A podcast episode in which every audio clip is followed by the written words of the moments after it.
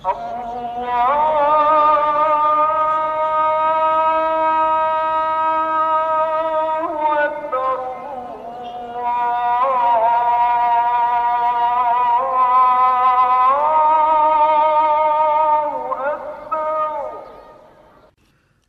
rahmani rahim. Ek begin met die naam van Allah, die alles oorheersende, onophoudelike en ewigdurende genadige. Alle lof en eer kom toe aan Allah. En mag sy vrede en seëninge op al die profete en boodskappers rus. Ek vra ondersteuning van die boodskapper van Allah, die vriende van die boodskapper van Allah en van ons leermeesters. Assalamu alaykum wa rahmatullahi wa barakatuh. Die vrede en seëninge van Allah op u. Ons weet uit die geskiedenis dat Nabi Ismail die eersgebore seun van Nabi Ibrahim vrede op hulle is. Nabi Ibrahim, Hajar en Ismail het eers in Palestina gewoon. Allah het toe vir Nabi Ibrahim beveel om hulle te gaan vestig in Mekka. Op daardie stadium was Mekka 'n dorre woestyn.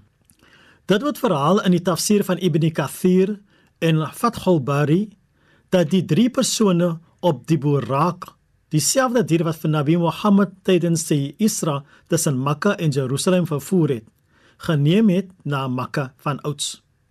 Nadat Nabi Ibrahim vir sy geliefde vrou Hajar en sy oudste en enigste seun op daardie tydstip tuis gemaak het, was dit uiters moeilik vir hom om hulle agter te laat.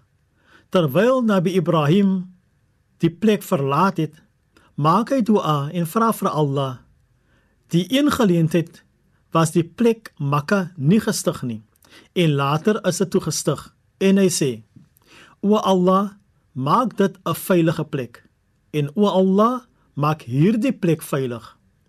Verder vra hy ook vir Allah: O Allah, sommige van my nageslag het hulle in hierdie barre en dorre vallei gevestig naby u heilige huis.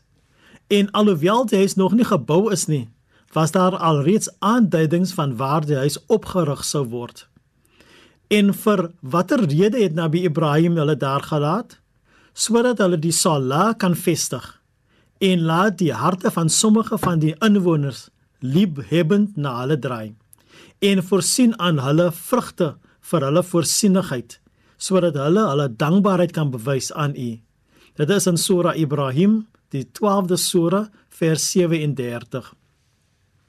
Die vraag is nou: wat bring hierdie harte van die getroues na hierdie vallei? Daar is niks in Mekka nie.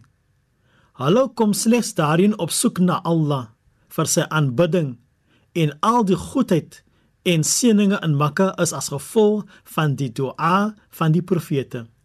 O Allah, draai ons harte na u lewenswyse en u gehoorsaamheid.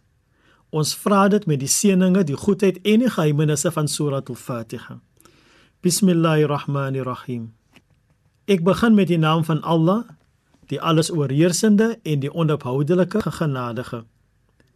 Alle lof kom Allah toe, die Heer van die geskapende orde, die alles oorheersende genadige, die onophoudelike en ewigdurende genadige. Meester van die oordeelsdag, U alleen aanbid ons en U alleen smeek ons om hulp. Lei ons op die regte weg, die weg van hulle wie U guns verdien, nie die weg van hulle op wie U toorn neergedaal het nie, of die weg van hulle wat afgedwaal het nie. Walhamdulillahi rabbil alamin. In alle dank en lof kom toe aan Allah. Dit is weer eens ek, Shahid Maniers wat u met God se vrede, seëninge en God se genade groet. Tot 'n volgende keer. Allah